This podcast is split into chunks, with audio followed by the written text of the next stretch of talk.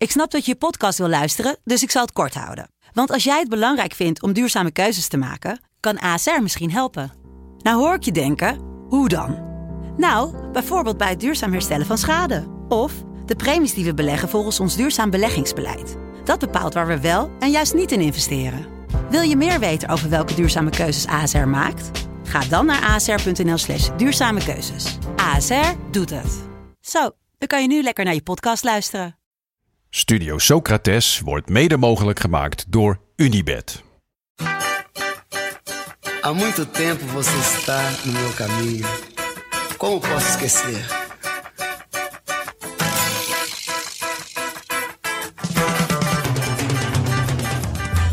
Welkom bij Studio Socrates, een podcast over alles wat voetbal mooi maakt. De komende weken kijken we memorabele wedstrijden van het Nederlands elftal op het WK terug. Want vaak hebben we een beeld van een team of een speler, maar klopt dat wel?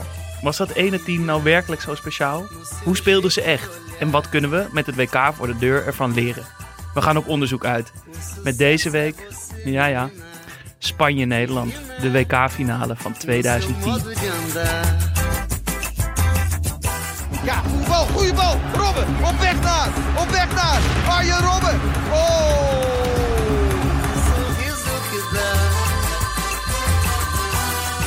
Beste Studio Socrates, gewaardeerde voetbalvrienden.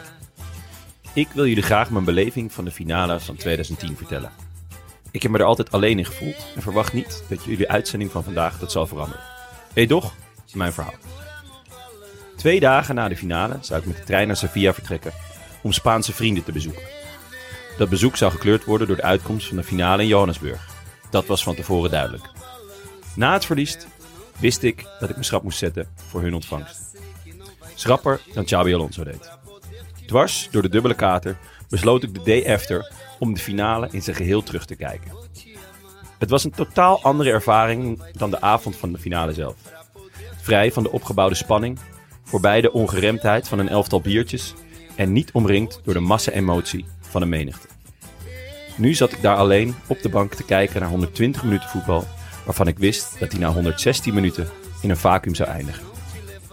Tot mijn eigen verbazing ervaarde ik geen leegte, geen cynisme, geen teleurstelling, geen boosheid of afkeer. Wat ik ervaarde bij het kijken naar de prestatie van Oranje was trots. Wat ik zag was een roedel wolven, een sterkere tegenstander tandeloos maken. Alles werd stuk gebeten voordat het dreiging kon worden. De zoemende vuvuzela's, die ik het hele toernooi had verwenst, stonden plots symbool voor de zwerm oranje wespen die het nest verdedigden. Ze pakken ons niet, we staan het niet toe, bleek de gezamenlijke gedachte van de complete ploeg. Opgevoed als trotse leeuwen in een welvarend land, ontbreekt het ons aan de waardering voor die quintessence. Overlevingsdrang. Maar oog in oog met het einde schuilt soms schoonheid in vuil spel. De collectieve overgave van het team, de opofferingsgezindheid, de nergens voor terugdeinzende wil om te blijven staan. En daarmee het onmogelijke mogelijk maken. Winnen van het beste Spanje. Matthijssen, Robben, ik zag ze door de grachten varen op dezelfde dag dat mijn treinreis vanuit Amsterdam vertrok. Aangekomen in Sevilla liep ik met de borst vooruit. Ik feliciteerde Spanjaarden met hun titel en kon zonder schaamte zeggen dat het ons bijna was gelukt te winnen van een superieure tegenstander. Elke ochtend om 8 uur gingen we voetballen op Sevillaanse pleintjes om de hitte voor te zijn. Negen zwoegende wereldkampioen en één trotse Nederlander.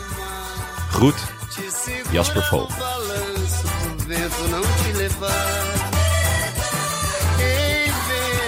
Ja, het is even een andere opening dan normaal. Ja, normaal schrijft Jonne hem. Maar we kregen nu net, eigenlijk vlak voordat we de, de podcast eh, gingen opnemen, eh, een, een mailtje in onze mailbox van Jasper Vogel dus. En eh, die is zo mooi. Die moesten we gewoon als, eh, als intro gebruiken. Ja, Dankjewel Jasper Vogel. Hij raakt wel, eh, hij raakt wel een, een, een gevoelige snaar in ieder geval. Eh, ja, een schitterende mail. En een hele mooie kijk Ja. op de WK-finale van 2010. Want wij waren natuurlijk allemaal, alle drie, een beetje zoekende. Van hoe hebben we die WK-finale nou beleefd? Ik weet niet of we hem alle drie zo beleefd hebben als Jasper Vogel. Maar ik vind het wel een hele mooie kijk op de finale. Nou ja, het is, voor mij heeft het twaalf jaar geduurd voordat ik hem terug eh, ging kijken. En hij, Hij heeft het gewoon de dag Ja. daarna gedaan. Wat ik wel echt een dappere, goede keuze vond. Ja. Ehm, en of wij dat ook zo hebben ervaren toen wij het deze week terugkijken, dat hoor je natuurlijk zo meteen. Maar dit is in ieder geval een heel lekker begin en, ehm, en heel mooi opgeschreven. Ja, letterlijk eh, de andere kant van de medaille. Dankjewel, eh, Jasper Vogel.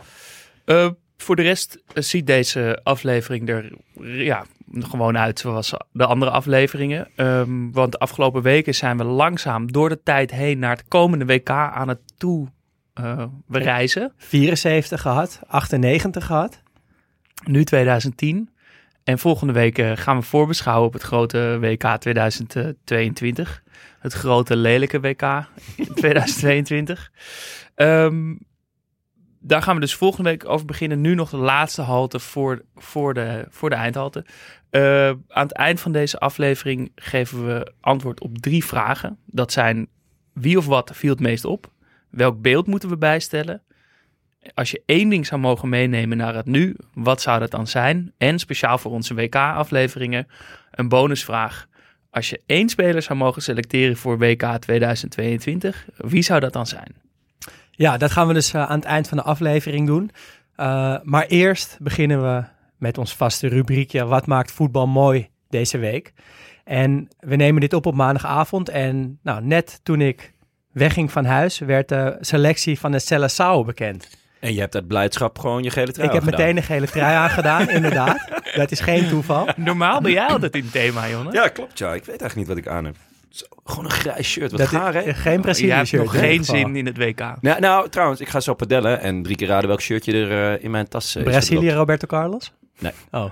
Duitsland. Ah, Ik ben er dus achter gekomen dat ik drie Duitsland shirts heb. Een Ja. Duitsland trui en een Duitsland vest. En geen één Nederland elftal shirt. Nee. Nee. Echt gewoon geen één. Het. Zo. Ja, eigenlijk Maar eh, echt waarom, waarom is, dat, is die Seleção zo, zo lekker? nou, om een aantal redenen. Ehm, ondanks dat we het een walgelijk lelijk WK vinden, begin ik toch een beetje zin te krijgen. Dat kan ik niet ontkennen. Uh, en deze bekendmaking van de selectie draagt daar zeker aan bij. Het is een van de eerste landen die met hun selectie komen. Ehm, dat is gewoon een heel vet gegeven. Maar toen zag ik, toen keek ik naar de namen en toen zag ik negen aanvallers. en toen ging ik nadenken van ja, zou het niet heel mooi zijn als, als de, de voetballanden eh, ook zoiets hebben van, misschien word ik nu te romantisch hoor, maar ik ga toch doen, ook zoiets hebben van, dit is zo'n lelijk WK. Wij, wij als landen moeten het tegengeluid gaan zijn op het veld. En Brazilië is daar nu mee begonnen door nou, dus een selectie bekend te maken met negen aanvallers. Martinelli is mee, ben ik heel blij mee, van Arsenal. Dani Alves is mee met zijn 39 jaar. Maar jouw grote held Firmino niet. Nee, die is niet mee, maar ik kan er echt mee leven. Want als je negen andere aanvallers selecteert, uh, ja, dan belooft dat veel. En dan vind ik het niet zo heel erg dat Firmino er niet bij is. Ik vind, ik vind wel, vorige week gingen we, of twee weken geleden gingen vorige week de, de spirituele kant op. Ja, Uh, met de voetbalgod. Met de voetbalgod. En nu gaan we gewoon uh, de, de romantische kant nog verder uitdiepen. Ja, kijk, we Ja. zijn een romantische podcast, Ja, dat dus dat moet waar. kunnen. Dat- kijk, nee. we zijn geen, nou ja, we zijn inmiddels dus ook een klein beetje een spirituele podcast. Maar Schijnt ook heel hip te zijn in deze Ja, tijden. ja. Dus, uh, Zeker, ja. persoonlijke groei door middel van voetbal kijken. Ja. Ik, ik geef me op. Voetbalhard. Nee, maar ik, uh, ik vond dit, ik werd hier echt, uh, echt wel een beetje blij van. En ja, het is natuurlijk ook een grote teringzooi op dit moment in Brazilië. Ja. Die uh, de goede Lula, de goede presidentskandidaat heeft gewonnen. Uh, maar Geen Bos- Bolsonaro-fan, nee? Nee, zeker niet. Oh, Uh, maar er zijn nog steeds heel veel protesten in Brazilië pro-Bolsonaro. Hij heeft uh, de afgelopen maanden in zijn campagne het gele Brazilië-shirt geclaimd als een symbool voor zijn politiek.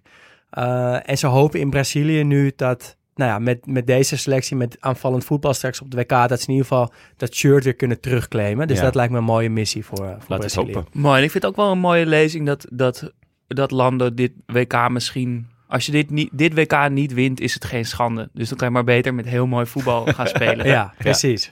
Ja. Ehm, Wel vet om als statement gewoon het WK niet te winnen. ja dat gaat... nou, dat, ga, Dat ik gaan, kan je zeggen, dat gaan gaan heel veel landen 31 doen. landen gaan Jongens, dat we waren er zo klaar mee. Wij gaan het WK niet winnen.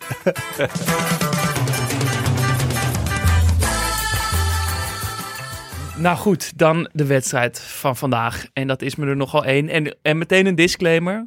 Eh ze- zet nou niet meteen weg. Eh, WK-finale 2010. Het is een trauma. Het is een open wond misschien nog wel. Dat begrijp ik. Eh, Maar het is de moeite waard. Ik, ik stond er ook een beetje zo in, maar ik, mijn mening is veranderd. En, en Jasper Vogel zei het ook al mooi. Dus, dus ik, Ja, het is grappig. Ik, bear with us. ik had eh, even wat discussie op, op, in verschillende appgroepen. Inderdaad, een aantal jongens zeiden van, nee, deze sla ik even over.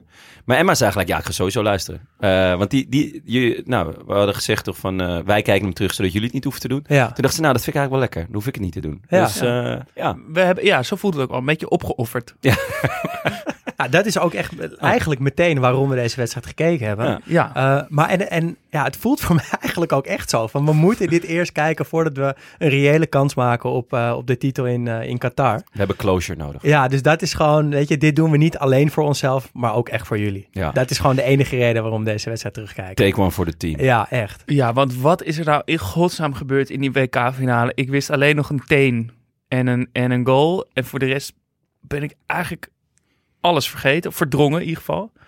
Ehm, en ik dacht ook wel, tenminste van tevoren, eh, voordat ik de wedstrijd aanzette, dacht ik, jezus, doe ik mezelf toch aan? 120 minuten slecht voetbal met een nationaal trauma op het eind. Geen goals. Die Fufuzela tot overmaat van ramp, twee uur lang. Waarom doe ik dit? Hoezo closure? Maar nou, toen die wedstrijd aanging, kan ik vast verklappen, veranderde dat wel. Ja, ik voelde me juist wel heel volwassen dat ze dit gingen doen. ja, het voelde een beetje alsof... eh, het Terwijl is, je een danoontje zat te eten. nou Dit ja, is echt volwassen van mij. ik hou er niet van. dus dat he- helaas niet. maar nee, ik had een beetje het gevoel van eh, het is uit met je, met je vriendin. En de eerste paar maanden of misschien wel een jaar of misschien nog wel iets langer ben je echt boos. Ja. En op een gegeven moment valt er een soort van rust over je heen dat je denkt, nou, ik ben er eigenlijk wel klaar voor om, om hem of haar weer eens te zien. Ja. En eens bij te kletsen, kijken hoe het met je gaat. En dat gevoel had ik heel erg bij het terugkijken van deze finale. Ja, dat vind ik mooi. En dan, en dan achteraf voelt het dan dus ook heel goed. Krijg Ja. je er juist heel veel Ja, zelfvertrouwen dan, van. op een gegeven moment nou ja, dan sta je er boven de materie. Ik vind echt dat je, dat je de spijker op zijn kop slaat. Dit is precies hoe ik me ook voelde. Je hebt er Ja. van tevoren met, een- ga je er met een knoop in je maag heen. En dan zie je elkaar. Dan is het eigenlijk ook wel gewoon Ja. weer oké. En dan fiets je weg en dan denk je, ja, I got this. Op, Ik ben op naar de volgende. Jij, Jonne? Ik, ik had er eigenlijk niets. Ik keek er niet zo tegenop. Ehm, ik ik eh, ben ook dus bij mezelf te raden gegaan. Ik heb er niet zo'n trauma van. Eh, althans, dat denk ik. Ehm, ik weet Dat je, namelijk. dat je nu een trauma hebt opgelopen. Dat zou maar Door die wedstrijd. Ja. ik, ik weet er gewoon helemaal niks meer van. Nee. Eh, de, de volgende vraag, namelijk in het draaiboek, is: waar keken jullie de wedstrijd? Ik weet het niet. Ik heb echt Dat geen idee. niet. I shit you not. Ik weet het gewoon niet. Ik, ik weet, het toernooi heb ik eh, eh, grotendeels gekeken hier ehm, op de Amstelveense weg. In een kroeg waar ik ooit gewerkt heb. Ehm, ik denk dat ik daar heb gekeken. Ik heb in, vandaag in twee appgroepen een appje eruit gegooid van boys, weten jullie het nog? Toen kwamen er gelijk foto's, ook van verklede vrienden van mij. En eh, ook nog van de halve finale we in het water waren gesprongen en zo. En, maar die foto's van de finale stond ik niet op. Dus ik Heb je hem wel gezien? Ik heb hem sowieso gezien. En het rare is, ik was gisteren eh, met mijn beste vriend naar, naar, naar Ajax PSV. Verschrikkelijk. En op de terugweg, ik weet 100% namelijk dat ik, hem met, dat ik hem met hem heb gekeken. Want daar was gewoon geen discussie over. Wij kijken hem samen, het maakt niet uit waar we zitten. We hebben zelfs nog overwogen om gewoon thuis met z'n tweeën, dat je het gewoon het beste Mm. kan focussen. En hij wist het ook niet meer. Hij wist ook niet meer waar we hem hadden gekeken. We wisten alleen nog gewoon... Gewoon echt verdrongen. Gewoon. Ja, verdrongen. En Dus- waarschijnlijk een beetje veel biertjes gedronken. Maar ja, dan is het nog, ik, nog ik, steeds ik dronk toen niet. Nee? Nee, jawel. Oh, tuurlijk. ik dacht al. Ja, nee. Wat is dit nou? Ja.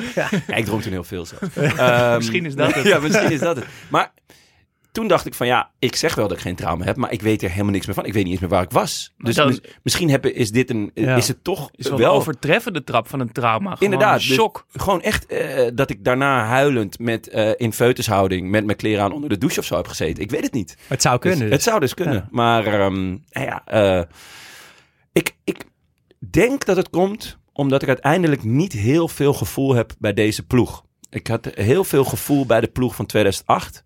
Ehm, en ik denk ook nog wel bij die van 2014 van Van Gaal.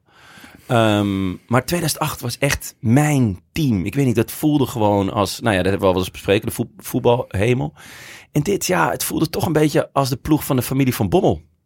En ja, Was ook daar- zo. ja, daar heb ik gewoon niet zoveel mee. Maar de- ja, dat kan je toch niet zeggen? Want het is toch gewoon Nederlands elftal in een WK, WK-finale. Ja, ik bedoel, toch op dat moment is toch alles geoorloofd als je in de finale komt. Dat is toch niet...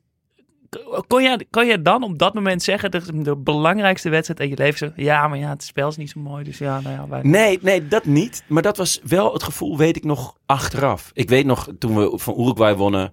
en ook na Brazilië ben ik de gracht in gesprongen... en na Uruguay heb ik gefeest alsof er geen morgen was. Eh, gewoon...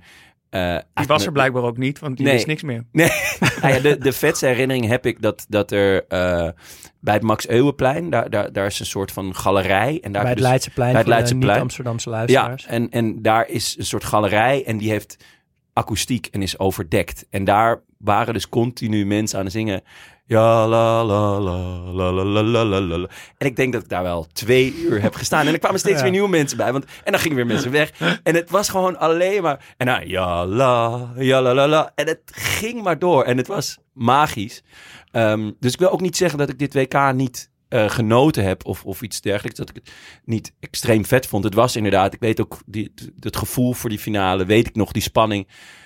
Alleen achteraf gezien, nou ja, ehm, zat het, deze ploeg zit niet in mijn, in mijn corazon, Mm, weet je. ik begrijp Dus het, ik begrijp misschien, misschien is dat het. Weet jij het nog wel, dan? Ik, eh, ja, ik keek in, eh, in het anti-kraakhuis waar ik woonde. Het was eh, veel te groot, dat huis. Wat toen wel na de finale goed uitkwam. Want dan kon ik gewoon lekker in een kamer zitten zonder andere mensen. Heel hard balen. Ja. Toen heb ik heel lang getwijfeld of ik ja, gewoon moest gaan slapen. Of toch maar de stad in moest gaan om mijn verdriet weg te drinken. Is dat laatste geworden. Ik weet niet meer precies hoe of wat. Het enige wat ik me nog goed herinner is dat ik terugfietste naar huis langs het, Leids, eh, langs het museumplein.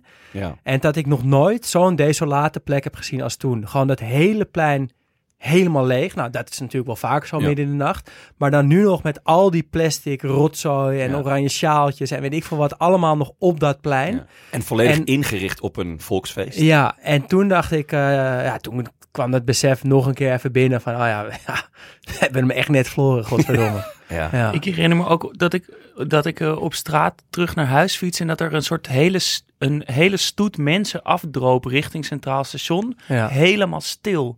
Ja. Niemand zei wat. Iedereen liep een beetje in zichzelf. Eigenlijk een soort zombies eh, naar huis. Ja. ja. En ik was er een van. Goed, eh, dat was onze beleving. Toen, nu naar de beleving van nu. Eh, wat ging er ook weer precies aan vooraf? Wisten jullie nog helemaal die groepsfase, alle wedstrijden? Van Ja. Nederland wel, van eh, wel. Spanje niet.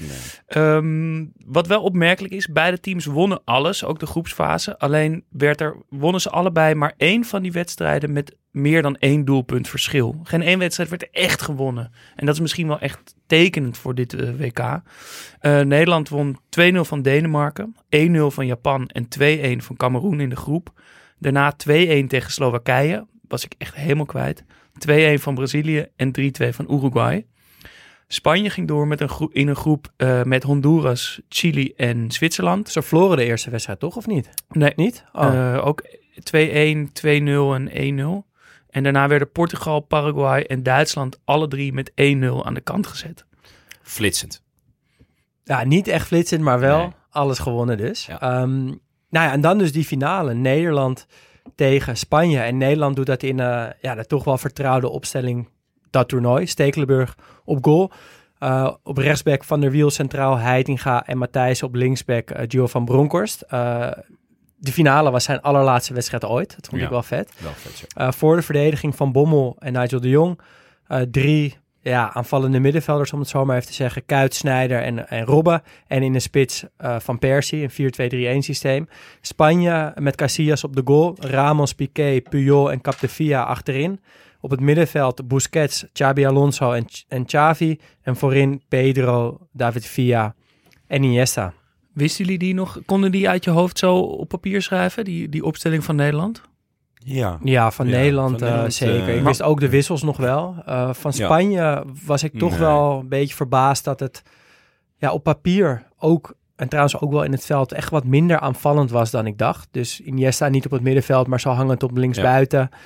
Uh, ja, Pedro, wat natuurlijk wel een aanvaller is, maar die ook wat zijn verdedigende werk altijd heel, heel goed doet. Een hele gare aanvaller. Ja, Ja, die ik, die ik eigenlijk alleen ken van het ene seizoen dat hij in elk toernooi scoorde. Toen Ja. in dat jaar dat Bas, Barça alles won. Ja, ja, dat was volgens mij... Het, ja. daar, daar staat Dus, hij inderdaad ehm, ook onbekend. Ik, wist het nog wel. Ja, ik wist vooral dat, dat ze natuurlijk die kern van Barça hadden. Eh, die heel goed was met, met wat aanvullingen. Jong van, ook nog, van, eh, trouwens. ja, Busquets klopt, ja. 21. Ja, Jongste van het, spe- van Ja. het veld. ja.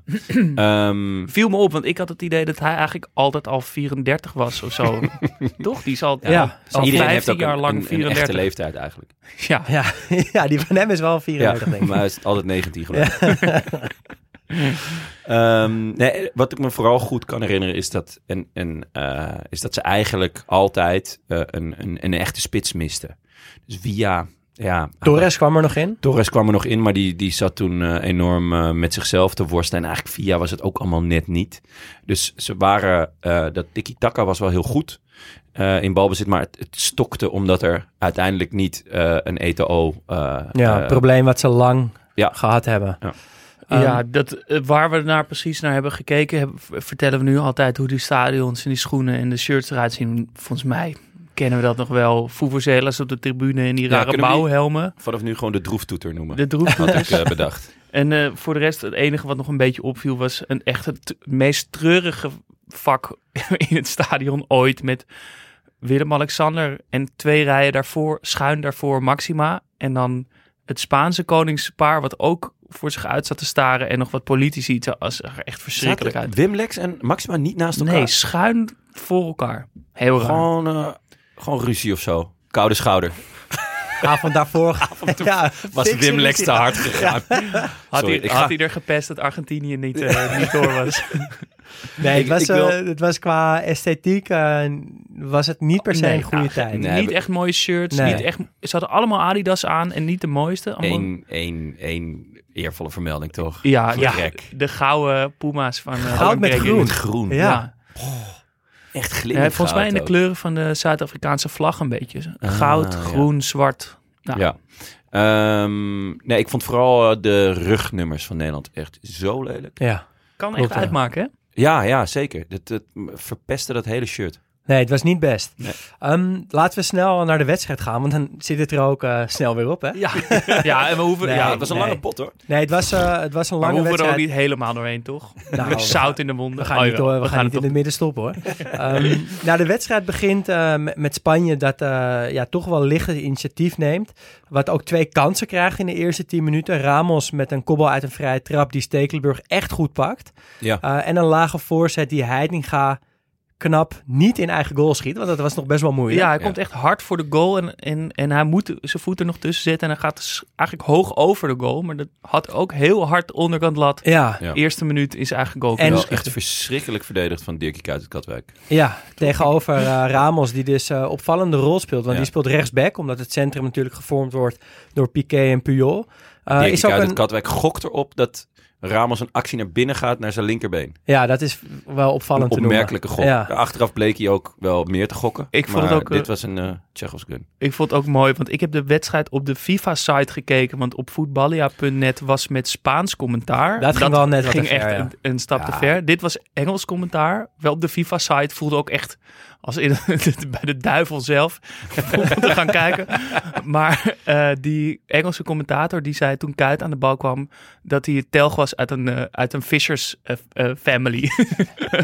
Een family of fishers, fishermen. Wereldwijd bekend, Dirk Kuyt uit ja, Katwijk. verschrikkelijk. Ehm, maar Ramos, Ramos, die dus als rechtsback speelt en dat doet als een ja, echt opkomend. Dus eigenlijk een hele andere voetballer toen was dan dat hij nu is.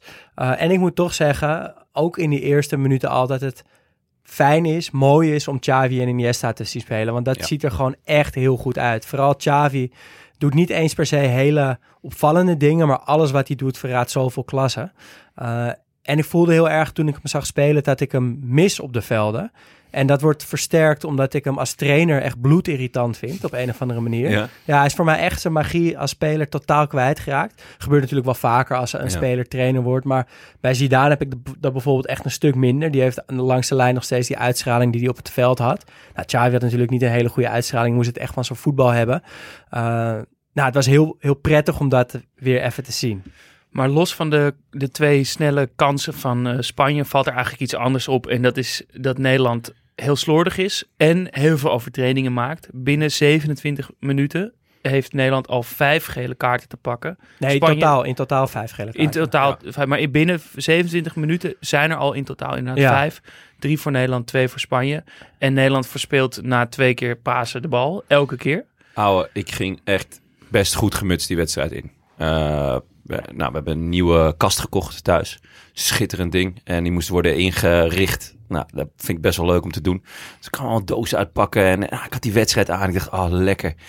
En ik werd zo zenuwachtig. Want eerst zat ik op Voetballia net te kijken. En er was een of andere Spaanse, Spaanse priester die gewoon echt aan één stuk doorratelde. Ik werd er heel zenuwachtig van. Ondertussen de hele die droeftoeters. En dan Nederland, die gewoon elke bal die ze kregen, een peun gaven of een soort van miste. Het was echt. Ik werd zo. Toen heb ik na een kwartier bij jullie geappt van, joh gasten, hebben jullie nog een link met gewoon Engels commentaar? Want ik word echt kriegel van. Het was Maar echt verschrikkelijk. Het is toch kwartier. ongelooflijk dat je niet scherp aan een, aan een WK-finale Nee, maar dit begint. is Het is, Oké, Het ja, is het is, scherpte. het is Ja. dit is zenuwen, scherp. maar, maar het zijn ook passes over twee, drie meter Ja. die gewoon te hard zijn. Of Ja. net niet helemaal lekker, of net ik vond het vooral opvallend van, van Snyder. Want die had gewoon net de Champions League finale gespeeld. En gewonnen. En, en ik, maar ook die stond onder hoogspanning, vond ik. Ja, maar ik vond het, ik vond het, eh, ik denk echt dat het wel een groot deel zenuwen Ja, waren. zeker. 100%. Spanning. Eh, maar het was ook wel een klein beetje, en misschien is dat een foutieve herinnering, maar volgens mij was het wel echt zo dat het is toch ook wel een klein beetje hoe Nederland dit toernooi speelde. Niet zo slecht als, als het eerste kwartier, zeker niet. Maar wel ja, vrij zakelijk en heel hard. Ontzettend. Eh, maar wat ze ook deden was achterin 40 keer de bal naar elkaar overspelen. Ja, Gewoon, nou ja, later zou dat Frank de Boer voetbal gaan heten. Eh, dus gewoon die laatste twee ver, eh, dus twee centrale mannen ver uit elkaar. En overspelen totdat er ja. tegenstander moe wordt en, en of, of gretig wordt en uit besluit te stappen. En dan eh, dat er dan iets gebeurde. Maar Maar dat, zelfs dat gebeurde niet. oh, het was echt, het was echt verschrikkelijk. Ja, en dan dus de hele tijd eh, overtredingen. Keihard. ehm, met natuurlijk als hoogtepunt in de 27e minuut die karate-trap van de Jong. ja, tegen Xabi Alonso, die iedereen zich nog wel kan herinneren. Niet Ehm, alleen Nederland was hard, hè? Vond, Nee, eh, Spanje ook, Spanje ja. ging, eh, deed, deed net zo goed mee. Ja, maar ik had wel het idee dat dat bij Nederland begon. Dat die er Ja, wel nee, als ja. eerste inkleunde. En dat Spanje Ja. toen, al- zeker Ramos, ook dacht van nou... eh, Ja, Kom maar nee, dan. zeker. Ja, nee, dat klopt. Maar die, die trap van eh, Nigel, die staat natuurlijk wel, of tenminste, die is symbool komen te staan voor, voor de wedstrijd en voor, voor de hardheid. En ja, al die, het kaartenfestival wat deze wedstrijd geworden is. Eh, ik was best wel benieuwd om hem live te zien, hoe, hoe, dat, Ja. hoe dat aanvoelde, zeg maar, die eerste keer. Eh, en ik denk, ja, dit, nou ja, een discussie, ja of nee, of het rood was. Ja, dit is wel rood, echt toch? Of, of vind je dat ook nog twijfelachtig? Ik vond het dus wel meevallen eigenlijk. Ja? Zeker Ehm. in, het, in gewoon in de wedstrijd, zonder de herhaling, viel het me ook niet zo op. Ik Ah, denk ik- dat de betere vraag is of het bewust was. Mm, dat denk ik dan weer niet. Alleen het viel me wel op dat hij Xabi Alonso wel gezien heeft. Het is niet dat hij uit zijn dode hoek komt. Maar hij houdt wel in. Hij zet niet echt, hij trapt Nee. niet echt door. Hij heeft Ja. dat been hoog en gebogen, maar Ja, ik, het is ik meer denk, dat hij er tegenaan komt. ik denk ik. als, het, de- als het bewust is, dan is het rood. Maar ik dacht eerlijk gezegd niet dat het bewust was. Ehm, eh, we hebben een paar jaar geleden in de Champions League ook gezien. Volgens mij Muller. Ja, Die, eh, ja maar was die kwam wel uit een dode hoek. Tagliafico. Maar dat was gestrekt been. Ja, maar het was eigenlijk ook niet. Want het, het, het- zeg maar, het, is niet het, het is niet bewust. Hij ging gewoon voor de bal waar hij naar kijkt. En hij doet wel zijn benen hoog. Het is ook onhandig. En daar kan je ook wel rood voor geven. Het is lomp. En Nigel de Jong heeft natuurlijk zijn reputatie tegen wat dat betreft. Maar ik, eh, ik denk dat hij rood had moeten geven. En dat het met de VAR ook wel gebeurd Ja, was. ja, ja, dat denk ik ook wel. Maar goed, vanaf de 30ste minuut komt Nederland dan toch wel. Krijgen ze toch een beetje vertrouwen. Ze komen een beetje meer in de wedstrijd. En ze worden ook een aantal keer eh, gevaarlijk. Eerste moment is eigenlijk eh, een diepe bal van Persie. En Casillas plukt die uit de lucht. Maar botst daarin tegen eh Puyol op.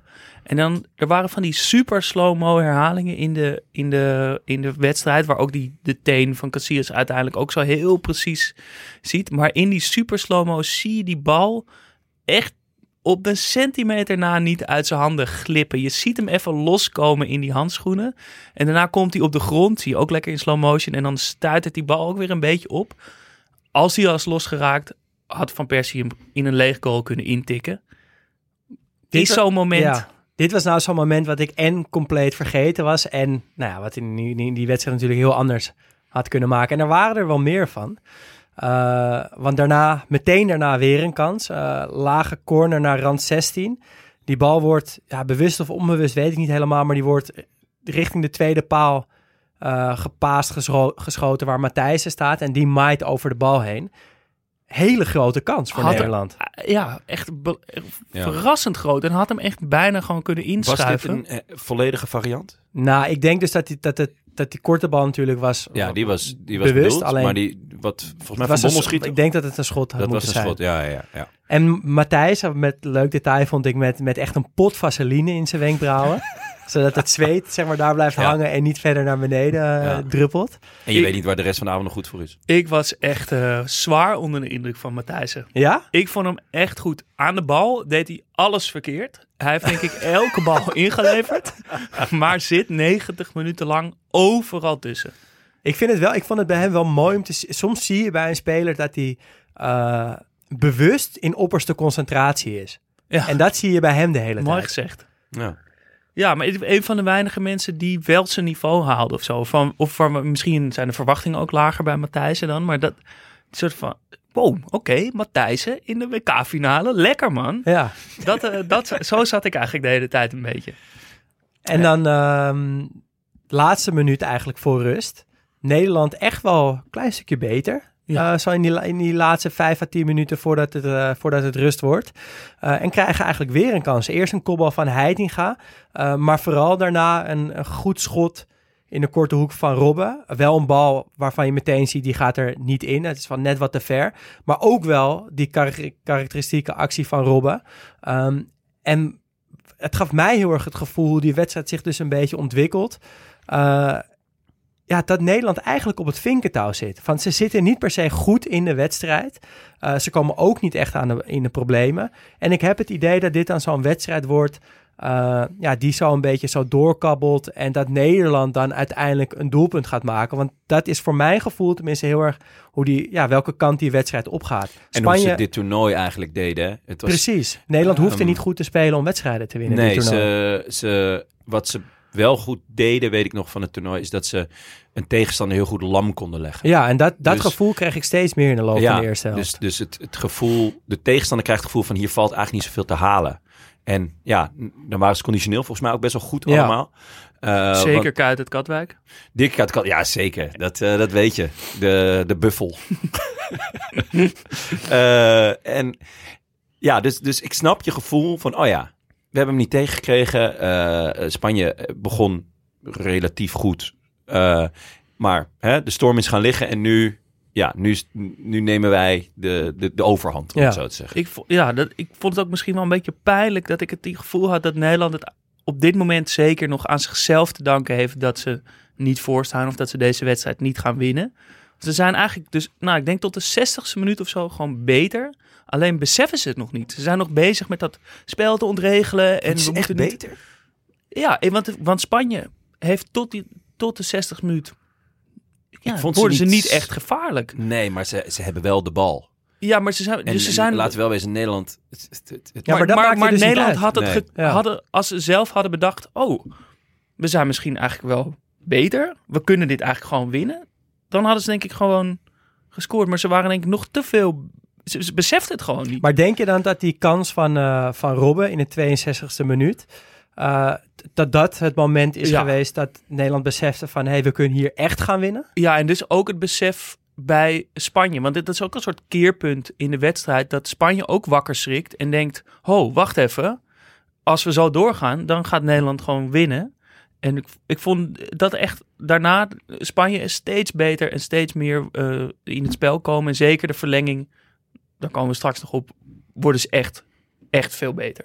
Ja, ja Ik die kans van Robben... sowieso wel beter. Ik, maar ik vond het wel echt, ook die eerste helft, echt een gedrocht van een wedstrijd. En ja, er gebeurt daarin niet zoveel. En, en inderdaad, vanuit de rest van het toernooi kun je zeggen... oké, Nederland, het, het valt misschien wel hun kant op.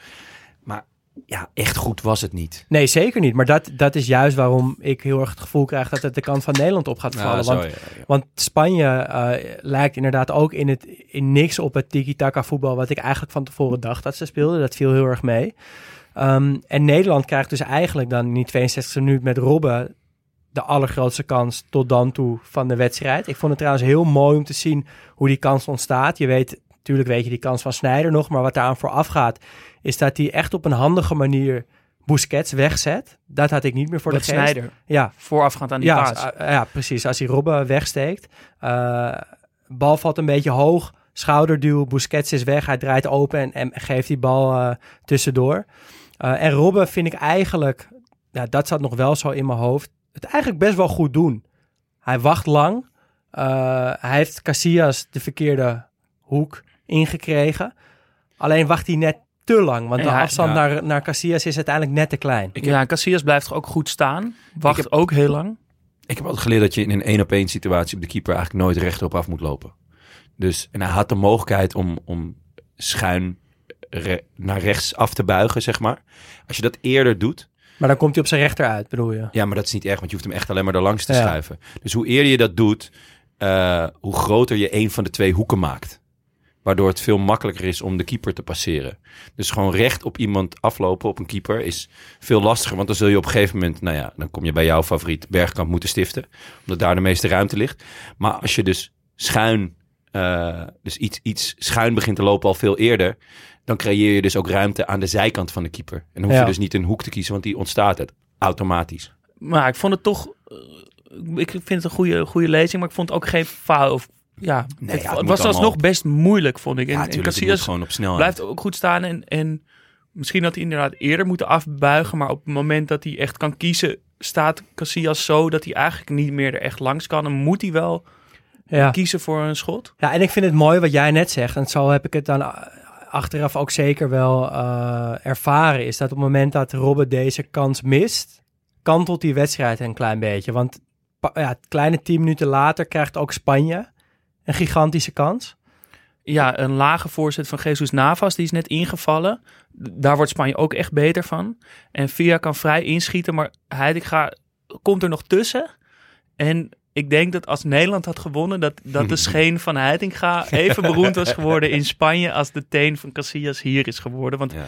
Eh, ja, dat scheelt ook maar echt een paar centimeter. Ja, want dit is echt een, eh, ja, een, een wonderbaarlijke sliding van Heitinga waarbij die, die goal voorkomt. Ehm, en ja, het is wat ik net al eventjes zei. We zijn dan nu op eh, 70 minuten. En ja, dat tiki-taka voetbal van Spanje is er helemaal niet. En het is ook het eerste besef bij mij dat ik denk, oh, dat, is, dat maakt het eigenlijk nog pijnlijker dat we deze kans niet gepakt hebben als Nederland zijnde, want het had echt gekund. Ehm, ja, Ja, dat, dat, dat, dat Nederland gedwongen werd tot verdedigen en harde overtredingen omdat ze scheel getikt werden, dat, dat had ik, dat dacht ik. Maar dat is dus inderdaad helemaal niet waar. Het lijkt wel gewoon alsof ze zo de wedstrijd in zijn gegaan. Alsof Van Marwijk van tevoren heeft gezegd, jongens, gaan ons helemaal scheel tikken, dus we gaan overal tussen zitten. Eh, dus het lijkt gewoon een keuze. Ja, Eh, en, ja en dat is helemaal eens. En eh, de rol van de scheidsrechter eh, helpt ook echt niet mee. Want dat, dat was ook waarom ik dacht dat het een spijkerharde wedstrijd was... waarin Nederland werd schilgetikt... omdat er zoveel kaarten werden gegeven. Hij maakte echt een potje Hij van. maakte echt van Howard Webb vanaf moment 1 een potje van. Op een gegeven moment is het de 74ste minuut. En zegt de commentator dat er al 31 overtredingen zijn gemaakt. Eh, hij, hij blijft maar met, met, met kaarten strooien. En nou ja, op de gekste momenten, Ja. op de gekste niet- situaties. Het was, echt niet nodig. Super hard. Nee, helemaal niet. Tuurlijk er zaten wel wat terechte kaarten bij, maar je kan ook. Ik weet niet, ik denk dat je eh, in het begin, als je het in het begin met een, met een goede waarschuwing of zo afdoet, eh, dan, dan zet je de toon voor een wedstrijd. En, maar het loopt gewoon uit de hand uiteindelijk. Ja, maar echt door de scheids. Ja. Niet, niet, door de, niet door Spanje en niet door Nederland. Nou ja, Nederland speelde wel op het randje. Maar dan nog hoef je niet zo debiel veel eh, Nee. eh, kaarten en, en overtredingen te geven. Ja, en dat komt vooral in de 82e minuut is dat het aller, maakt hij eigenlijk de allergrootste fout. Want als je dan al zoveel kaarten geeft en zoveel overtredingen, waarom dan nu niet? Robben wordt gewoon nog een keer bijna één op één weggestoken. Kon me inderdaad vaag herinneren dat er twee momenten waren dat Robben doorging. Alleen die ene is natuurlijk altijd is symbool geworden. Deze is ondergesneeuwd. En dat komt omdat Puyol hem nog ja, nadat hij er al voorbij is, nog met een arm. Hij trekt niet echt aan zijn shirt, het is- maar hij, hij houdt hem gewoon het is tegen. bijna een judo-worp.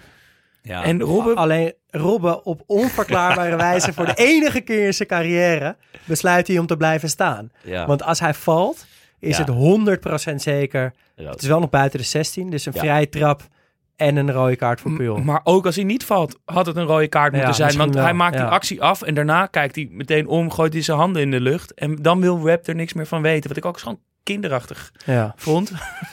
Maar dit- gaat nu toch een beetje... Ja, maar wel echt een, echt een heel belangrijk moment wat, wat is ondergesneeuwd eh, door die eerdere kans van Robben. En waar we best wel wat, eh, ja, toch best wel een beetje kwaad over mogen Ja, zijn. misschien toch nog maar eens langs het huis van Webb. Ja. Eh, en sterker nog, Robben krijgt ook geel voor het protesteren daarna. Wat geheel Ja. terecht is natuurlijk. Ehm, Het protesteren bedoel je? ja, Ja, protesteren ja. is geheel terecht. Eh, en nou, misschien geel voor protesteren is misschien ook wel terecht. Ja. Ja, Rob, Behalve als je gelijk hebt, ja, dan... Ja, Rob is natuurlijk wel ook een irritant mens, toch? In het veld. In het veld. Zijn hoofd. Gewoon, de- ja, de- altijd een beetje zeurderig. Dus ik snap wel dat Web, ik bedoel, ja. Ja, hij, dat is- was toch lekker aan het strooien, dat je dan op een gegeven moment ook denkt, nou, ik geef, Geef hem er ook ook. gewoon een. ja. Je reputatie is dan ook, eh, zit dan maar, niet mee. Maar ja, dat Robbe boos was, dat is volkomen terecht. Eh, maar dat is eigenlijk een oprisping van Nederland. Want Spanje wordt wel echt steeds beter. En zeker nu we de verlenging ingaan, eh, ja, krijgt Spanje wel echt de overhand. Ja, waar het eerst eh, denk ik redelijk over de hele wedstrijd gezien redelijk in balans is qua, qua kansen vooral, eh, wordt Spanje in de, in, de, in de verlenging beter. Eh, ze hadden in mijn ogen zelfs een penalty moeten hebben voor momenten tussen Xavi en Heitinga. Eh, er komt nog wel een kans uit, uit een corner voor Matthijssen, maar ook nog kansen voor Iniesta, voor Navas, voor Fabregas. Ehm, ja, Nederland, het glipt wel echt uit de handen van Nederland in de verlenging. Komt natuurlijk nog die rode kaart Ja, van Heitinga. Terecht en, ook. en een heel leuk moment eh, met de, de terug, onbedoelde terugkopbal met het achterhoofd van Braafheid. Dus een lange cross uit de verdediging en Braafheid loopt net terug in- naar positie en krijgt die bal op zijn achterhoofd. En die stuitert vervolgens in de handen van Stekelenburg. Maar ik kon toch niet helemaal loslaten om te bedenken dat... Dat stel je voor dat je dan invalt. Dat iedereen al denkt, huh, braafheid?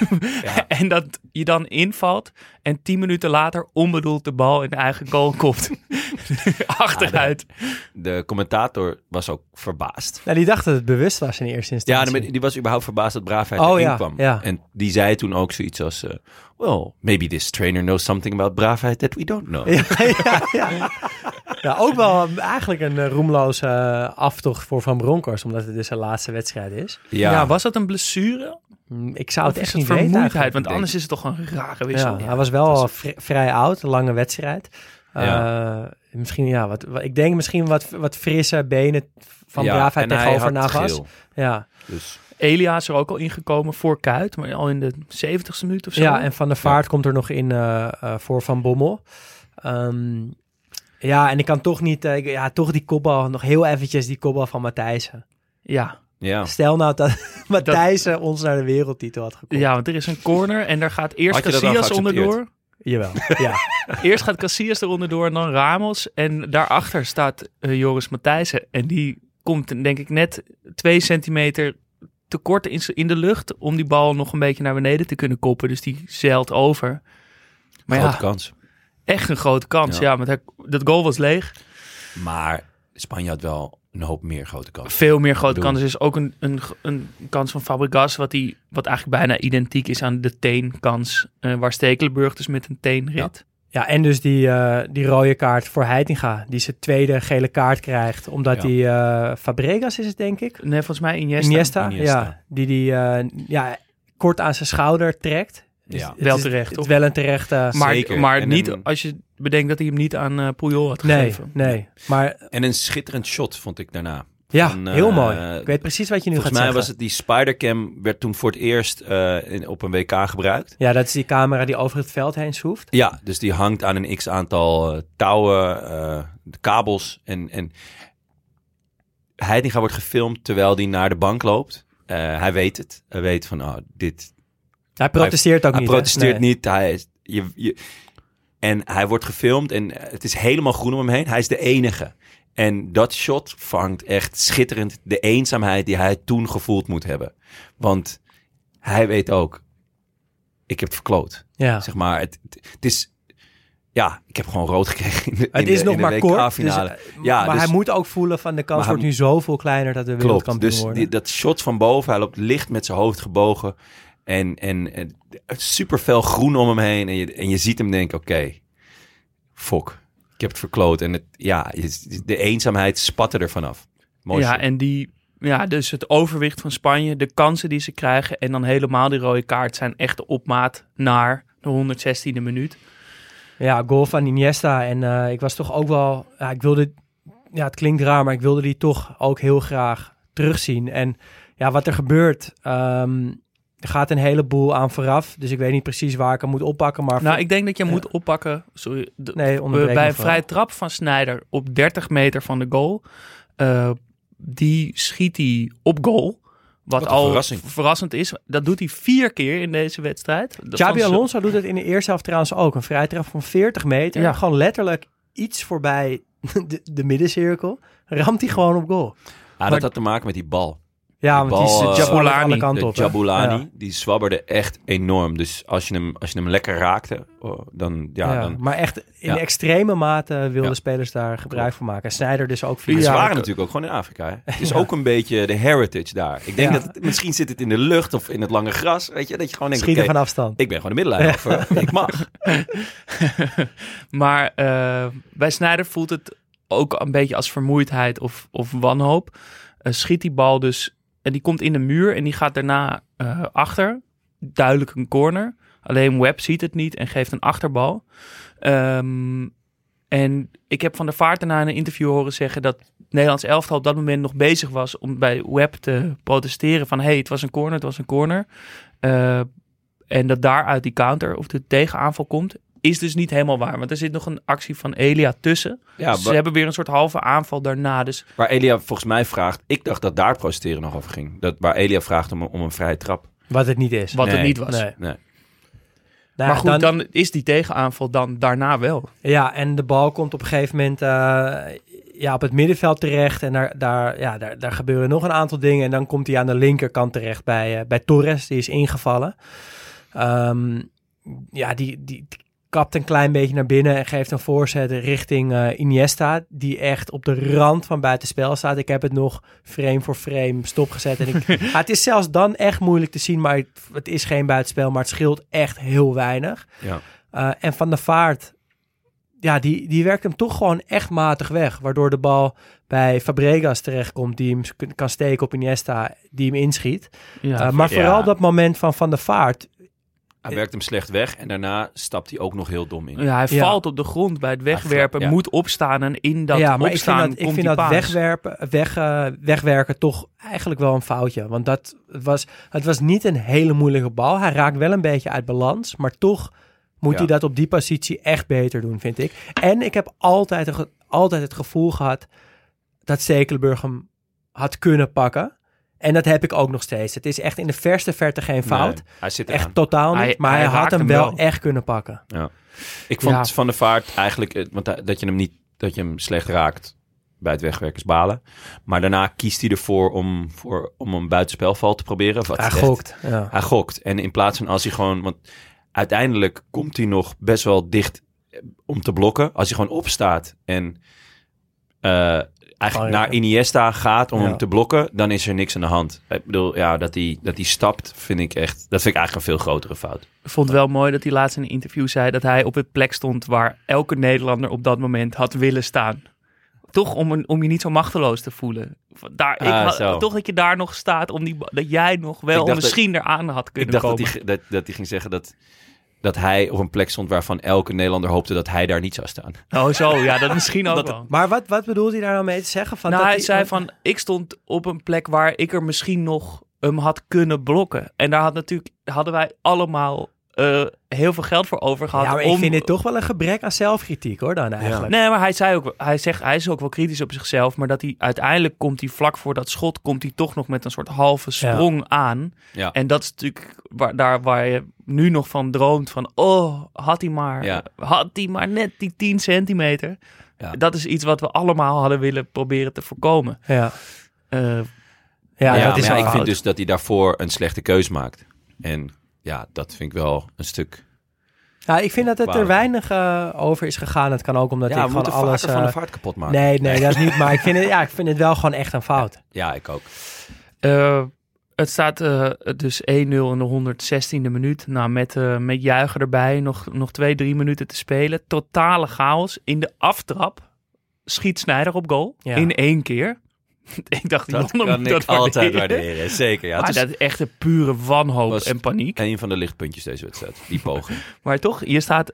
Je komt 1-0 achter in de verlenging van een WK-finale. Je mag aftrappen nog voor de laatste kans. En je schiet hem gewoon in ene. Ik vond het wel Ja. een keuze hoor. Ik vind het ook. Maar stel je voor. ja, nee, nee, absolute waanzin. En Nee, ik vind ook daarna, er ontstaat nog iets van een, ehm, Ja, van een slotoffensief. Maar zelfs dat niet was overtuigend. tandeloos. Op een gegeven moment gaat Stekelenburg, die gaat nog een bal trappen. En ik zie Van de Vaart gewoon 20 meter achter Stekelenburg Ja. staan. Dat ik echt denk, hè, wat ben je nou aan het doen? Er, er waren Ja. drie man voor de goal. Maar ik denk dat het, dat het ja, toch, je zou denken, ga allemaal naar voren. Ja. Dat is het meest logische wat je kan doen. Maar ik Ja. denk toch dat, dat, dat wij ons gewoon echt niet kunnen voorstellen hoe dat toen gevoeld moet hebben. Dat, Met misschien dat man. je echt wel een beetje gek in je hoofd wordt of zo. Dat je het echt even Ja, niet meer weet nee, of zo. het zou kunnen. Maar Maar dat is ehm, heel vreemd inderdaad. want ze gingen nog niet- twee, twee, drie keer een bal erin pompen. Ja. Maar dan stonden er echt maar drie man Ja. tegen acht Spanjaarden. Dat ik denk, ja, hè, Ja. eh, als je dan gaat, ga dan inderdaad met z'n allen. Maar goed, nu klinkt het heel eh, negatief. En dat Ben is ik toch ook. eigenlijk niet het gevoel wat ik eraan heb overgehouden na deze wedstrijd. Het, het viel me ten eerste echt heel erg mee hoe het was om terug te kijken. Maar qua Ook- gevoel bedoel je? Of qua, qua... Nou, gewoon hoe, hoe, hoe las ik het? Of Ja. hoe, hoe pijnlijk Ja, of zo dat- ik het ja. vond. Eh, die goal zelf kon ik echt met droge ogen rustig terugkijken. Met herhaling en juichen en alles erbij. En ja, zeker ook na, na het eindsignaal ben ik nu echt ook echt tevreden. Ben blij dat ik hem heb Ja, rust, closure en, en zelfvertrouwen. Want je moet gewoon voetballen. Je moet gewoon met energie en positiviteit gewoon er vol voor gaan. Maar dat En hebben ze toch allemaal niet gedaan? Nee, maar dat geeft Ze wel een soort gevoetbald. vertrouwen hebben- dat we er dat, was geen rust. dat, dat je daarmee wel dat je, dat, dat je kampioen kan worden. Ja, maar eh, kampioen worden. Kijk, als je met zulk voetbal zoals zij speelden. eh, eh, ik denk dat dat de reden is dat ik gewoon niet, niet zo heel enthousiast ben over dat het niet zo'n trauma is. Als je met echt lelijk voetbal kan, eh, eh, naar een toernooi gaat, of eh, op je toernooi lelijk voetbal speelt, dan moet je hem wel winnen. Anders dan kan je het, hele, kan je het gewoon überhaupt wegflikkeren. Ja, maar Ja. ik vond ik ben er toch ik zit toch wel meer aan de kant van Jasper Vogel van de intro. Die, Ja, omdat hij ook Jasper heet. ja, dat schept sowieso een band. Gewoon een alter ego. Nee, maar het geeft eh, vertrouwen en een soort, ook wel een soort trots. Niet op hoe we gespeeld hebben, maar dat we dat gedaan hebben. Dat ze best goed waren. Dat we hadden kunnen winnen. Ehm, en ik voel ze van ja, ik heb, ik heb het gedaan. Ik heb, ik heb deze wedstrijd teruggekeken. Ik ben klaar voor het WK. Ik heb wel meteen na het eindsignaal trouwens die stream uitgezet. Want dat, Ja. dat echte juichen nog daarna, dat, dat trok ik Nee, toch dat- dan weer niet. ik ook niet, Dat dan nee. weer niet. Ja, ik had tijdens de wedstrijd lang eh, ja, dat ik zoiets had van ja, volgens mij hadden we deze finale echt moeten winnen. En is het, sterker nog, is het gewoon doodziek dat we hem niet gewonnen hadden. De sterren stonden goed. De voetbalgod was Nederlands. en we hebben niet gewonnen. Hoe kan dat nou? Eh, maar toen ik er wat langer over na ging denken, dacht ik toch, volgens mij is het goed dat Nederland deze finale niet gewonnen heeft. Omdat ik, ik sta aan de kant van Jonne, want ik denk toch dat de voetbalidentiteit van een land te belangrijk is. Ja. En Nederland staat voor gedurfd voetbal, voor aanvallend voetbal, voor vernieuwend voetbal, voor, Voor creatief voetbal. Totaal voetbal. Voor totaal voetbal. Nee, maar echt. Ook omdat we 74 hebben gezien en ik nu wat beter snap waar het Nederlands voetbal vandaan komt. Mooie tussenstop in 98 gemaakt. Uh, ja, daar past 2010, qua wat ik nu gezien heb, past daar niet bij. En ik denk dus dat het goed is dat we niet kampioen zijn geworden met, met dit realistische, harde, beetje kille voetbal. Omdat er een moment gaat komen dat we kampioen gaan worden met ons eigen voetbal. Met Ja. aanvallend voetbal ja, en dat met gedurfd voetbal. Da- En dat geeft vertrouwen. En daarom hebben we dit ook moeten terugkijken. Want nu, ja, nu ligt de weg open naar die cup. Ja. Heb, jij, heb jij door het kijken naar deze wedstrijd meer vertrouwen gekregen in de kansen van het Nederlands elftal op dit WK? Ja, zeker. Maar ik, ja, ik heb alle, eh, veel van dat soort rare tikken. Dat ik denk, als, eh, ja, als ik nu eh, niet op een of andere lijn in de stoep stap, dan ga ik vanavond de Toto winnen. Dus, dus nee, dus ik heb echt eh, meer vertrouwen gekregen in het Nederlandse elftal. Maar dat ligt meer aan het bijgeloof dan, dan het spel van Nederland. Ehm, ja, nee, het ligt er gewoon Nee. echt aan dat ik het gevoel heb dat, dat in ieder geval ik persoonlijk dit nu heb afgesloten. En dat ik gewoon met, met, met een goed gevoel vooruit kan. Ja, en, en dat, ehm, het, zeker het eerste seizoen wat we hebben gemaakt, dat, daar hebben we naar, naar Over oude teams. over unieke Ja. teams. En, en ehm, vaak was onze conclusie dat de teams die het dichtst bij hun eigen identiteit bleven, dat die succesvol waren op hun eigen gekke manier. Hè? Dus, dus Ajax met, met jeugd en technisch en, en verzorgd voetbal. PSV met goede scouting. eh, Brazilianen met een paar eh, oude vedettes erbij. Feyenoord hard werken, weet je wel. Eh, eigenlijk kwamen we elke keer tot de conclusie dat, dat je, die eigen identiteit, ook omdat het bij supporters het beste aansluit, dat dat het, het beste werkt. En ja, dit was niet onze eigen identiteit. Dus ik vind, vind wat je zegt heel mooi. Dat, dat het, ja, er gaat een moment komen dat we met oogstrelend voetbal. eh, Ik hoop eh, alleen zo dat we het nog mee mogen maken. Ja, zeker. En ik hoop eerlijk gezegd ook dat het niet dit WK is. Want dit WK Ja, is, te Om een lelijk, andere reden. te lelijk Ja. om te winnen. Dus, ehm, nou ja, goed. Dat eigenlijk. Blijf bij je identiteit. We gaan naar de drie vragen.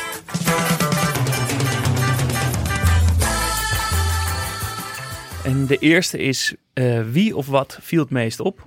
Ja, een saai antwoord, maar uh, Xavi. Ja, de, daar hebben we het nog helemaal niet over gehad. Maar de, de eh, pakken van de technische staf van Nederlands elftal. Wat dan? Wat, wat viel je schitterend. Ja? Ja, Grijs? Grijs, maar mooie kleur grijs. En eh, strak gesneden. Ehm, Bart van Merwijk, een sjaaltje erbij ook. En eh, ik, ja, ze zagen er gewoon goed uit, gesoigneerd. Dat, dat, dat deed wel wat voor me. Als, elke keer als die, dat shot op de bank kwam, dacht ik, ja, er zit wel wat. Uiteindelijk, uiteindelijk maakte, was het meer de pakken die mooi waren dan de mannen. Maar eh, nee, ja. Ik moest er lang over nadenken over deze vraag. En ik heb uiteindelijk Van Bommel gekozen. Waarom Van Bommel? Omdat dit eigenlijk zijn spel is. Dit Ja. doet hij echt de hele wedstrijd lang echt waanzinnig goed. Hij, is, hij kan dat echt supergoed. Dat draaiteren, ertussen zitten, net een overtreding, echt lekker hard. En hij is de enige die vanaf eh, moment 1 eigenlijk wel die ballen allemaal eh, zorgvuldig speelt. Dus ik dacht dat hij is wel een beetje de kern van ja. deze Ja. wedstrijd van het, van het team. En speelde echt een goede wedstrijd. Of je dat nou mooi vindt of niet. Hij zorgt er wel voor dat, dat we zo ver komen. Ja, bij veel niet-PSV'ers echt een gehate voetballer van Bommel. Maar ik vind altijd dat zijn, eh, zijn voetbalkwaliteiten te veel ondergesneeuwd zijn. Dat komt. Door die treiterdingen, wat, wat hij ook echt goed kon en veel deed. Maar, maar hij het- kon ook serieus echt goed voetballen. Ja, maar in deze komt wedstrijd waar, het- waar ze erop spelen, is het echt een kwaliteit Ja, van Maar het is dus niet een Nederlandse voetballer. Nee, het is klopt. eerder een Italiaanse Ja. voetballer. Dus Ja. de, de identiteit. Nee, dat is uiteindelijk is hij in het Ja. verkeerde land geboren. Maar dus zijn identiteit, het voetbal kunnen klopt we er hem nog misschien wel bij weggeven. zijn ja, en daarom was hij dus zo Ja. goed. Ja, nee, klopt. En daarom voelde dit, dit team dus ook als... Daarom dacht ik, Een ik, Van ik, Bommel. ik kies Ja. Van Bommel. Nee, mooi. Ja. Eh, vraag 2. Welk beeld moeten we bijstellen? Ja, dat dit eh, een soort van de hoogtijdagen van Spanje tiki-taka voetbal was, waren. Maar dat was niet zo. Spanje was ook echt niet zo goed. Ik eh, moet zeggen dat ik eigenlijk geen beeld had. Maar het beeld wat nu overheerst is dat Nederland het eerste uur beter was. En ze daar hadden kunnen beslissen. Maar dat het tweede uur Spanje beter was dan Nederland in het eerste uur. En daarom verdiend heeft Gedeeld gewonnen. door tweede paasdag. En ja. check in de box, elleboog op tafel. Eh, ja, eh, het was exact zoals ik me herinnerde. Het was drie keer niks. En eh, ja, ik, ik vind dat jullie echt een stuk positiever zijn. Eh nou, wat ik Als je goed kijkt, kan je overal wat moois in vinden, hè, Jonne. Ja, ja, nou ja, dat wordt dit week al lastig. Maar eh, Nou, ik, vind, ik, ik, denk- ik vond het echt, echt eh, eh, ook... Er zat niet echt een idee achter. Nou, wel, Eh, alleen niet ja. zo'n positief idee. Ja. ik ben een, ja, ik, ik ja denk en vond jij in balbezit dat er echt een idee achter zat? Het was gewoon Nee, maar de klein kan- houden en zo snel mogelijk naar Robben, eh Snijder of... eh, Nou, het, was, het Persie. was niet heel eh, verfrissend of vernieuwend. Maar het was wel vrij duidelijk wat ze wilden. Ik denk dat Nederland, die los van de verlenging, meer of gevaarlijker is geweest voor de goal. Meer kansen heeft gehad. Goed. Vraag drie. Als je één ding zou mee mogen nemen naar het nu, wat zou het dan zijn? Ja, daar had jij het allerbeste antwoord. Ik zei eh, de Wereldbeker. Ja, ja zou daar ik wel kan ik me alleen maar bij meenemen, ja. aansluiten. Ja, sluit ik me ook voor Ja. aan. Mooi. En dan de bonusvraag. Als je één speler zou mogen selecteren voor het WK 2022, wie zou dat dan zijn?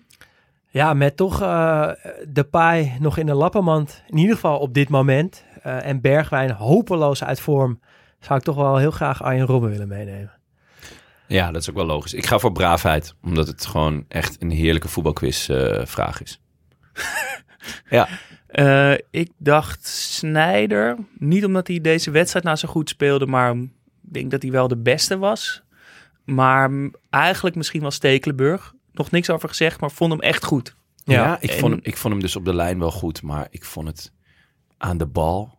Maar ik Ja, vond het veel vertrouwen, veel rust, Maar veel goede reddingen. zeg maar, het, het hele idee dat een keeper een vallende bal speelde, was toen nog niet uitgevonden, volgens mij. Hij peunde alles met. Ja, op een gegeven moment, had ik nog in mijn notities, ergens in minuut eh 21, was gewoon een 1-2'tje tussen Casillas en, eh Ja. en eh, Stekelenburg. Casillas peerde hem naar voren. En dat is nou een goede, voetbalquizvraag. Stekelenburg die peert hem weer terug. Ik zat echt, waar zit ik naar te kijken, Nou, joh? ik vond hem goed, ik vond hem rustig, ik vond hem degelijk, ik vond hem goede reddingen. Hij had Nou, goede reddingen, hem- maar hij, gewoon elke bal die hij kreeg, die, die kon hij gewoon aan, aan, eh, aan Heitinga of, eh, of Matthijssen geven. Toegegeven, ik zou hem ook niet aan Matthijs geven, want die deed exact hetzelfde. Die peerde hem ook naar voren en die was hem ook kwijt. Maar hij had het zo vaak dat ik dacht, hé, maar Heitinga staat nu helemaal vrij spelen gewoon in. En nou, dan peerde hij hem maar weer met 80 km per uur naar voren. Nou ja. Nou, we, gaan, we gaan het hier denk ik niet over eens eh, worden. Eh, Ik vond hem goed hoor. ja? Ja. Twee nou, één. misschien Ah. maar meer het, be- het beeld van, het beeld van de wedstrijd. Daar gaan we het denk ik niet over eens worden. Ehm, ben je, eh, nog één vraag daar kort over. Ben je blij dat je hem hebt teruggekeken? Ehm, ja. ja, want het was toch wel een beetje een, een, een, een, een zwart gat of zo, een blinde vlek. Dus ja, maar eh, was ik aangenaam verrast? Eh, nee, Nee, zeker. Maar ben je, je bent blij nee, hebt zeker. Ja, ja, absoluut. Ja, ja. En ik vind het ook leuk eh, om, het, om het over te hebben gehad. Closure, jongens. Closure. Closure. Daarmee eh, sluiten we deze aflevering af. Volgende week dus de grote WK-voorbeschouwingsshow. Eh, maar niet eh, voordat we natuurlijk naar Paling hebben geluisterd. Ha mannen, paling hier. Qatar wordt misschien het laatste kunststukje van een generatie rode duivels die ons heel wat plezier heeft doen beleven. Ik blik vandaag dan ook graag terug op hun eerste kunststukje. Brazilië 2014 of liever de weg er naartoe. Je kan je niet voorstellen hoe hard wij naar dat WK hebben uitgekeken. Van het WK in 1982 tot het WK in 2002 waren we er altijd bij geweest. Ook in tijden dat het nog echt moeilijk was om je te kwalificeren. Enfin, van 2002 tot 2014 kenden we wel een heel strenge voetbalwinter zonder WK's en zonder EK's en we zakten ver weg in de krochten van de FIFA-ranking en dat desondanks het aanvalstrio Buffel, Sonk en Penza. Een trio dat in de pers nogthans de Gouden Driehoek werd genoemd. In ons dieptepunt stonden we 71ste op de ranking, vlak achter Albanië en Venezuela. Verloren we kansloos van het grote Finland en hadden we op verplaatsing op een gegeven ogenblik slechts één supporter mee. Tot plots een generatie jonge duivels begon door te breken. Het was de generatie die ook op de Olympische Spelen van 2008 de halve finales had behaald. Er werd vanuit de bond een reclamebureau ingehuurd om van de Rode Duivels weer een sterk merk te maken. En ze begonnen met de duiveluitdagingen. Ergens in de periode 2012. De Rode Duivels daagden de supporters uit en als de supporters erin slaagden, zorgden zij voor een tegenprestatie. We moesten heel het land rood kleuren, we moesten tienduizenden kindertekeningen verzamelen, we moesten decibels verzamelen. En als tegenprestatie gingen dan bijvoorbeeld Eden Hazard en Kevin Mirallas schoolboeken kaften bij de kinderen. De 4-2 overwinning tegen Nederland in een vriendschappelijke pot in augustus 2012 was de klik. Het land ging massaal achter de duivel staan. Communautaire spanningen tussen Vlamingen en Walen werden op wedstrijdavond opzij geschoven en de ploeg begon ook te draaien. We werden groepswinnaar in de kwalificatie door in de laatste match op Kroatië 0-2 te gaan winnen met twee goals van een ijzersterke Lukaku. Over het WK zelf wil ik kort zijn.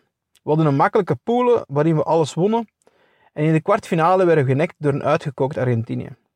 Maar onze leukste match was de achtste finale tegen Amerika, waar we een record vestigden.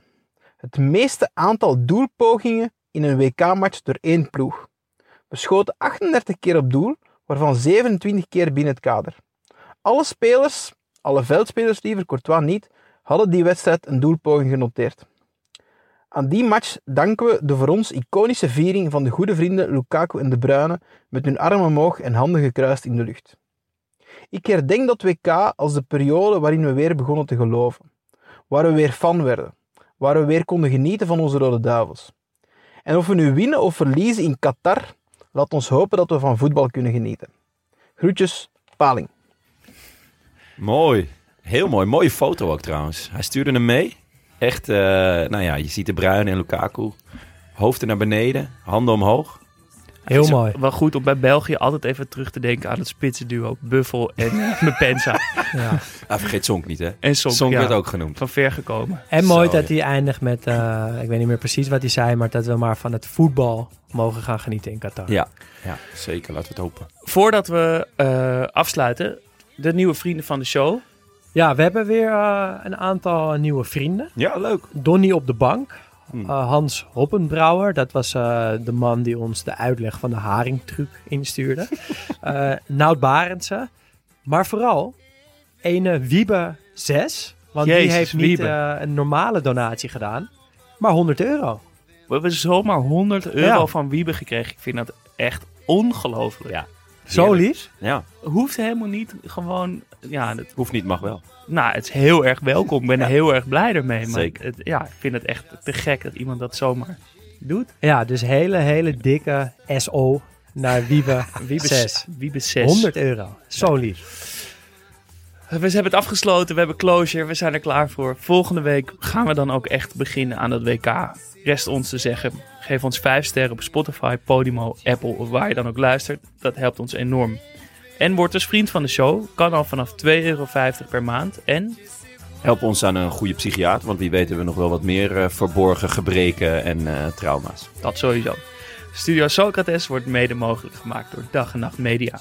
Wil je meepraten? Dat kan. Laat een bericht achter op vriendvandeshow.nl slash Studio Socrates of via Instagram.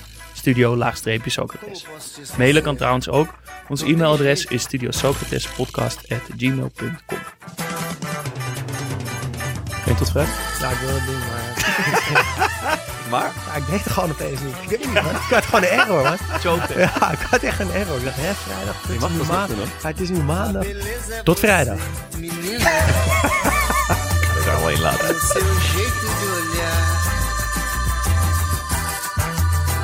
O sucesso é você, menina.